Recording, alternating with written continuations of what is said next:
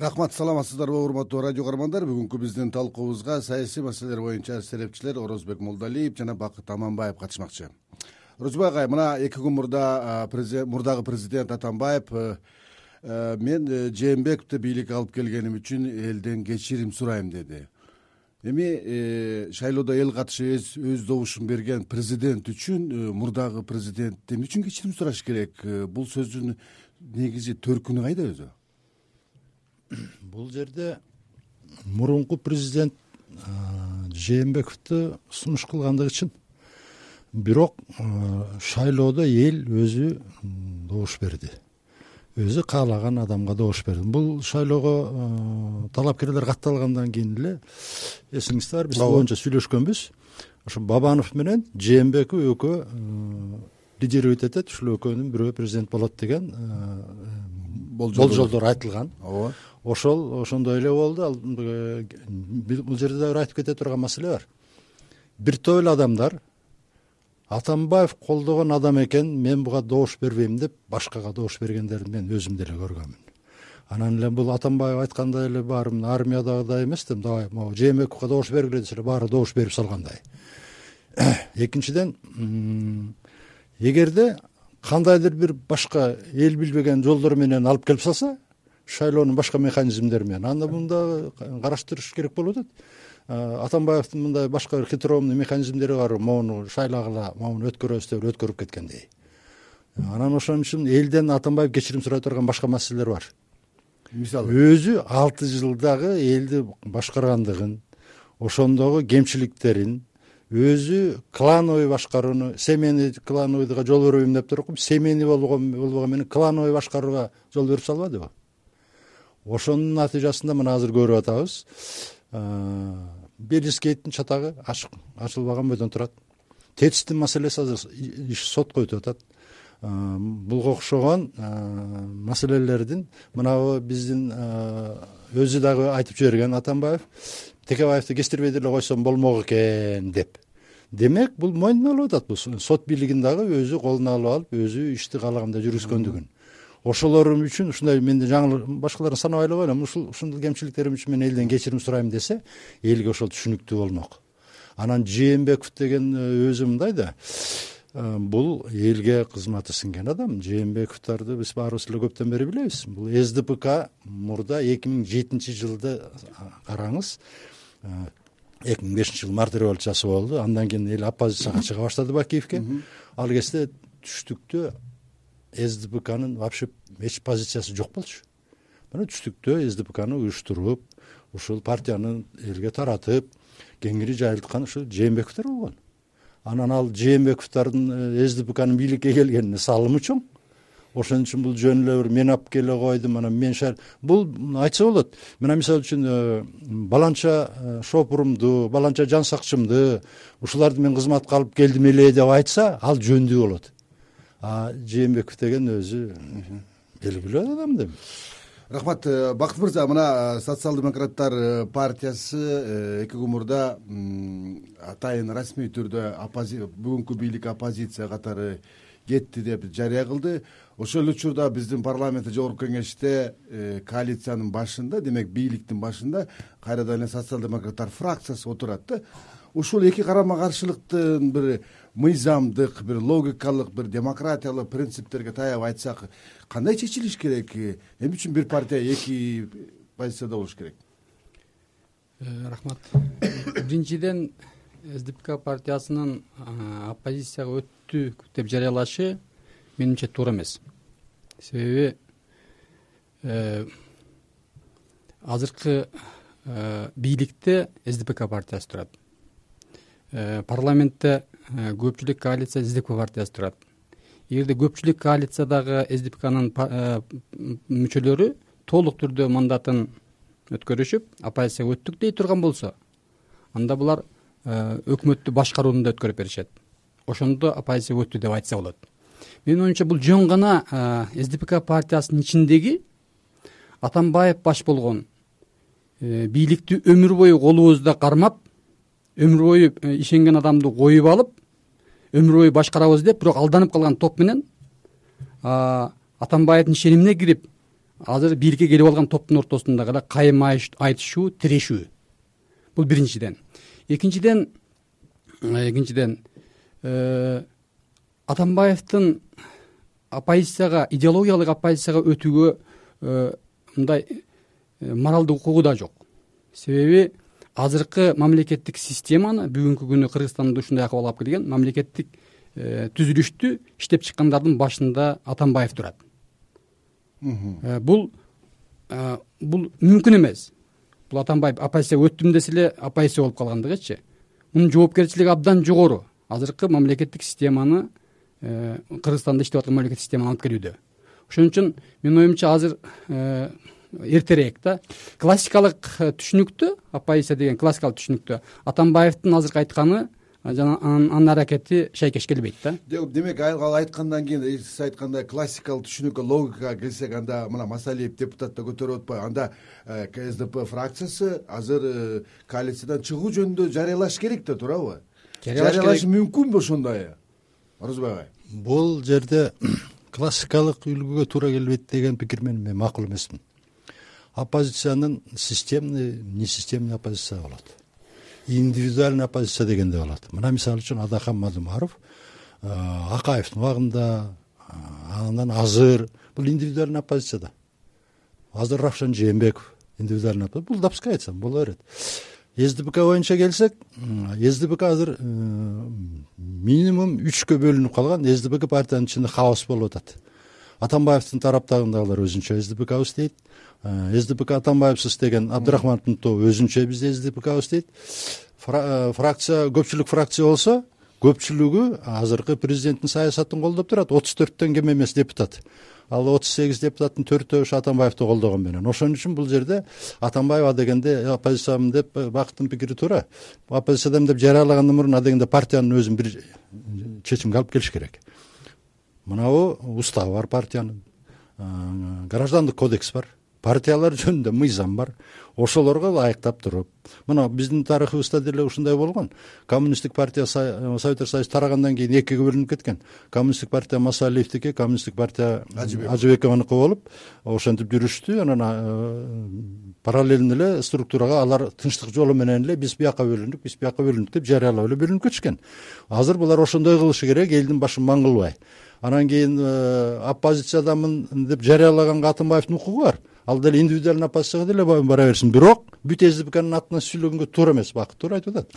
Мына жогорку кеңеште э, тиги депутаттарды атамбаев мындай өтө отоно түрдө сынайды чимкириктер деп э, баа бербеди да. Бул демек анда өзүн ксдп фракциясын айтып атат да башында да. Демек аларды тааныбайм дегендей болуп атат да. Бул өзү башында айткан бешинчи чакырылышта. Мен э, кээ бир жаңылыштык кетирип калып турмун өзүм тандадым эле депутаттарды. Бир депутаттан жаңылып турдум деп фамилиясын да айткан.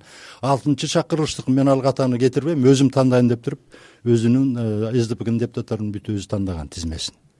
Демек бул өзү ошондой жасап салгандыгы үчүн андан да ал үчүн дагы бир кечирим сурашка туура келет. Анан калган депутаттарга анан эми бул э, баарыбыз билебиз. Сдпкга клон болду баланча болду деген партиялар бар. Алардын баарын кандай деп түшүнсөк болот мунун баарын ошол ошон үчүн кечирим сураса жөндүү болмок. Анан эми мындай да сдпкнын мүчөсү жээнбеков э, азыр токтотту мүчөлүгүн бирок сдпкнын кадры да ал деле бакыт мырза мына э, биздин э, азыркы мамлекет башчыбыз да өз билдирүүлөрүн айтып таркатып атат анын аксыда сүйлөгөн сөзүндө мындай деп айтат үй бүлөлүк кланга каршы күрөштүн башында турган адам катары дейт. Үй бүлөлүк башкарууга эч качан жол бербейм деп атат да. Атамбаев да ушундай бир күнөө коюп атпайбы? Ага жооп айтты окшойт сиздин оюңузда президент жээнбековдун бүгүнкү саясатында бүгүнкү аракетинде ошол айтылган сөзү менен ишинде бир айкалыштуулук барбы мындай жакындык барбы? Иш жүзүндө көрсөтүп атабы ошондой чындап эле кландык нерсе бир белгилер жокпу бул сурооңузга сиздин биринчи берген сурооңузга жооп берип туруп андан кийин айтсам да чындыгында атамбаевдин азыркы президент э, жээнбековдун мамлекет башчы болуп шайланышына эмгеги зор. Биринчиден э, атамбаев көрсөттү. Атамбаев ошол кездеги президент катары мыйзамды бузуу менен мамлекеттик машинаны толук түрдө жээнбековду президент кылып өткөрүүгө жумшады. Ошондой эле мындан сырткары өзүнүн президент боло турган ошол кездеги саясатчыларды мыйзамсыз түрдө саясий негиз менен эч себепсиз түрмөгө салды. Мунун баардыгы азыркы президенттин сооронбай жээнбековдун президент болуп шайланышына мындай кандайдыр бир тигизде чоң негиз болду деп айтса болот. Ошонун негизинде атамбаев мен азыркы президентти э, президент кылдым деп айтып атканда негиз бар. Бул биринчи жагы. А экинчи жагынан азыркы президент айтып атпайбы мен кландык үй бүлөлүк башкарууга жол бербейм деп ал жол бербеши керек. Биз буга дагы эле ишенишибиз керек. Бирок тилекке каршы мына азыркы президент э, мамлекет башчысы болуп шайлангандан бери бир жарым жыл убакыт өттү. Ошол мезгилде кыргызстанда кыргызстанда э, саясий процесстер мындай татаалданышып баратат. Күндөн күнгө оорлоп баратат. Буга бийликтин салымы абдан чоң. Себеби бир жарым жылдан бери өлкөдөгү чечиле тура турган көйгөйлүү саясий экономикалык социалдык маселелер чечилген жок. Социалдык маселелер чечилген жок. Эгерде э, президент сооронбай жээнбеков чындыгында эле кландык башкарууга жол бербей элдик президент болом дей турган болсо анда радикалдуу реформаларга барыш керек. Саясий реформаларды жасаш керек. Э, экономикалык реформаларды барыш керек кыска мөөнөттүн ичинде. Ошондо гана ал атамбаев айткандай саткын деген аттан жуулушу мүмкүн антпесе бул өмүр бою укум тукумуна чейин саткын президент болуп кала бериши толук ыктымал э, орозбек агай э, атамбаев э, азыркы президент жээнбековдо дагы бир чоң олуттуу күнөө такты. Бул кландык башкарууга өтүп жатат. Анан кийин элди экиге бөлгөн деген бир чогун айтты да. Сиз ушундай тенденцияны байкадыңызбы? Эгерде болсо аны эмнеге негиздеп айтат элеңиз же болбосо бул кландык э, башкарууга жол берди бакиевдин жолу менен кетип баратат деп айттады ооба. Бирок асылбек жээнбековдун депутаттыгынан башка мисал келтире албай койду. Анан макул э, асылбек жээнбеков депутат болуп туруп таасирдүү депутат болуп туруп кандай э, мыйзамсыз иштерди жасап атат? Үй бүлөлүк башкарууга кандай жол ачып атат? Ошол боюнча фактыларын ачыш керек эле да мына баланчаевди мындай кылды түкүнчөнү мындай кылып атат. Мына үй бүлөлүү башкарууну орнотуп атат деп. Эми жээнбеков үй бүлөлүк э, кландык башкарууга жол бербейм деп айта берет. Аны бакиев деле айткан акаев деле айткан коррупция алтынчы этажга чыкты анан жетинчи этажга чыкты деп отуруп бул алардын бир э, өзүнүн жакшы ойлору деп айтсак болот да. Реалдуу түрдө жол башкара бериш үчүн механизмдер бар. Эң негизги механизми биринчиси бул оппозиция бизде бир мындай бир таасирдүү оппозиция жок болуп атат. Мына атамбаев деле оппозиция болуп бере алабы бере албайбы бул деле маселе. Экинчиси парламенттин ичинде да оппозиция жок болуп атат. Мына ушулар жөнүндө ойлонуш керек бийлик анан кийин э, жакшы жактары массалык маалымат каражаттарына баштагыдай кысым болгон жок эгерде ошондой фактылар боло турган болсо ушу массалык маалымат каражаттарына чыгат. Экинчи үчүнчүсү бар. Сот реформасына аракет кылып атат бирок бизде сот реформасы жылбай атат.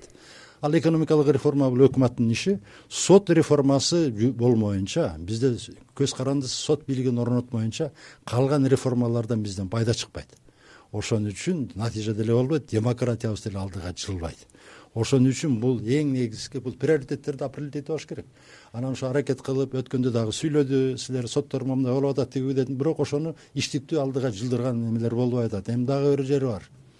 Коррупция менен күрөшөм деп атат. Ал жагынан коррупционерлердин бир тобу камалды. Бирок коррупция менен күрөш э, болбой атат бакыт мырза мына э, батышта бир чоң акылман айтты эле эгерде демократиянын бир көрсөткүчү бул оппозициянын болушу жашашы эгерде болбосо аны түзүш керек депчи.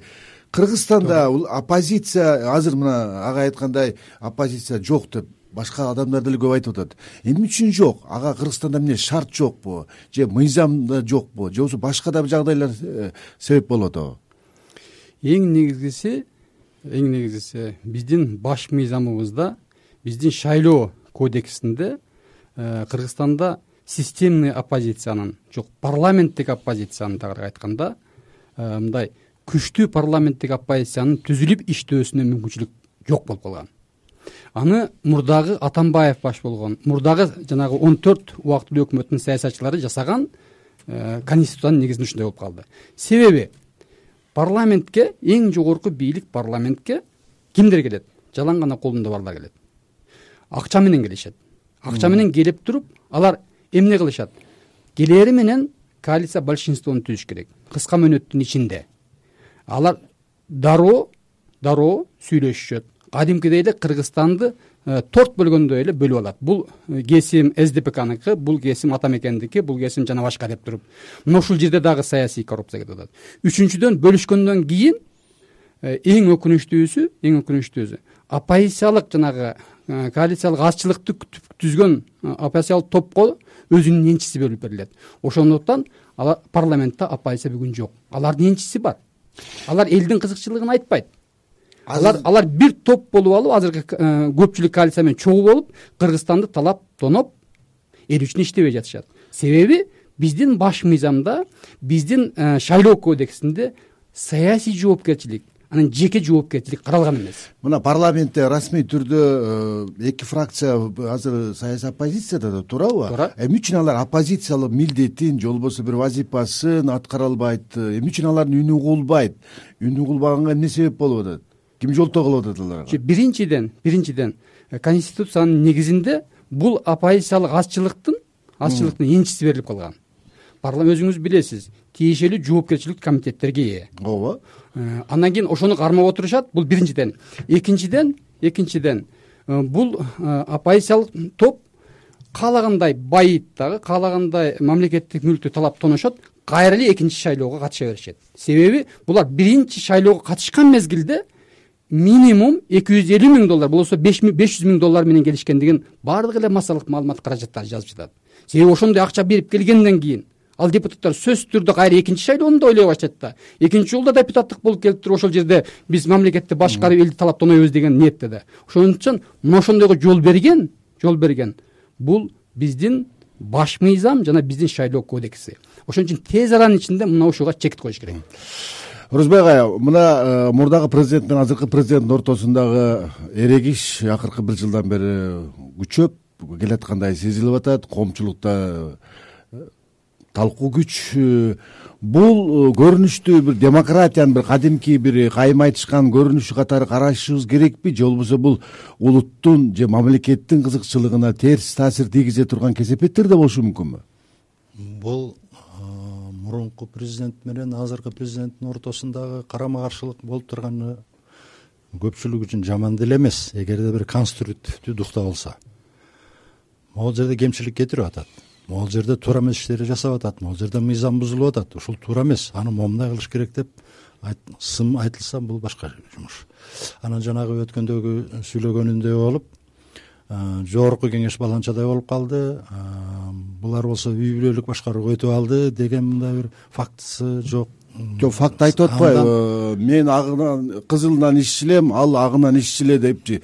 Бул кайсы деңгээл бунун ченеми кайсы мисалы үчүн? Эми бул куран окутуп атып аксынын каза болгондорго ушунча маселелердин көтөрүлгөнү деле өзү негизи туура эмес да анан эми ал экөө э, достору жолукканда эмне ичкени биз үчүн анча деле кызык эмес. Бирок э, президент деле э, мурунку президент деле биз намаз окуйбуз ажылыкка барганбыз кудайдын жолундабыз деп коюп кандай нарушение кылганы эми мун үчүн алар өздөрү жооп берет дечи баягы убагында. Бирок буларга деле бул деле аброй алып келбейт. Мына ушу деңгээл төмөн болуп атат да биздин саясатчылар бакыт айтып аткан ошондой болуп атат. Саясат саясий деңгээл төмөн болуп атпайбы оппозицияда деле башкаруу коалицияда деле деңгээлибиз бул ал депутаттарды күнөөлөгөнүбүз болбойт.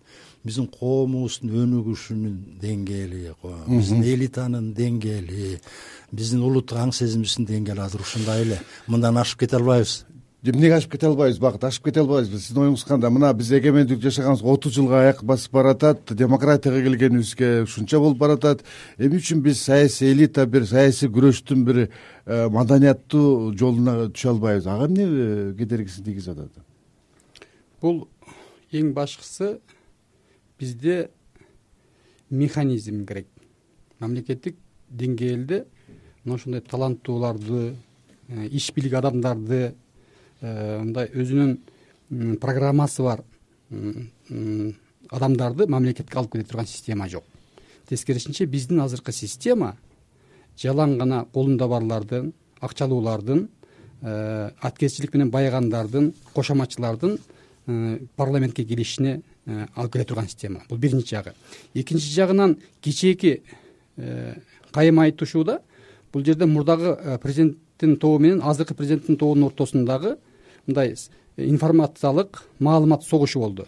Бул маалыматтык согушта атамбаевдин тобу утуп кетти деп айтсак болот. Себеби атамбаев өзүнүн сөзүндө колунан келишинче жамандап жеке адамдык сапатына чейин асылып кетти. Арак ичет дегендей маанини айтты. Бул деген эмне деген сөз? Азыркы элдин баардыгы билет. Сооронбай жээнбеков беш убакыт намаз окурун а беш убакыт намаз окуган адам сен арак ичесиң деп айтты. Бул деген анын адамдык жеке э, мындай кадыр баркына шек келтирди. Эгерде ушундайларды угуп аткандан кийин азыркы массалык маалымат каражаттары бийликтин эмне деп сөз жооп бере алды? Эч нерсе деп жооп бере алган жок. Унчукпай гана отуруп калышты. Бул маалымат согушта азыркы бийликтин маалыматтык согуштун утулушу деп айтса болот да. Агай муну саясий күрөштүн бир качан бир маданияттын деңгээлине жетишебиз? Бул эми акырындык менен боло турган маселе. Бул саясий маданият болуш үчүн адегенде жөнөкөй маданияттуу болуш керек да коом. Ошол маданиятыбызга остаточный принцип менен акча бөлүнсө маданиятыбыздын деңгээли азыркыдай болсо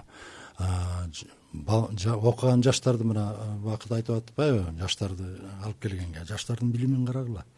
Мен деле ушул мамлекеттик кызматта иштегенде таң калдым. Диплом бар билим жок жаштар бар экен бул маселе дагы оор маселе биздин келечегибиз үчүн. Анан э, чет мамлекеттен окуган жаштар келип карап көрүп кайта кетип калып атат кыргызстанга. Аларды биякта кармап калыш үчүн аларны шарт түзүш керек аларга акча айлыкты башка шартын түзүп бериш керек да. Ошон үчүн бул жерде бизде проблемалар көп. Анан кийин э, мага жакшы шарт түзүп бербесең мен кетем деген э, патриоттор да бар эми баягы кавычках ошон үчүн бул биз кыргызстан бул маселелерден чыккан жолун ким айтыш керек? Муну депутаттар өкмөт чогулуп туруп анан бир иштиктүү программалар бакыт айтат ушуну жасаш керек. Болбосо биз минтип эле ушу арманыбызды айтып эле жүрө беребиз да ошону менен ишибиз бүтөт. Урматтуу радио көрөрмандар бүгүн биз э, кыргызстандагы э, мурунку жана кийинки президенттердин ачыкка чыккан эрегишинин улуттук жана мамлекеттин кызыкчылыгы үчүн кандай э, пайда зыяндары болот? Анын кесепеттери кандай болушу деген теманын тегерегинде кеп кылдык. Бүгүнкү биздин талкуубузга саясий серепчилер орозбек молдалиев менен бакыт аманбаев катышты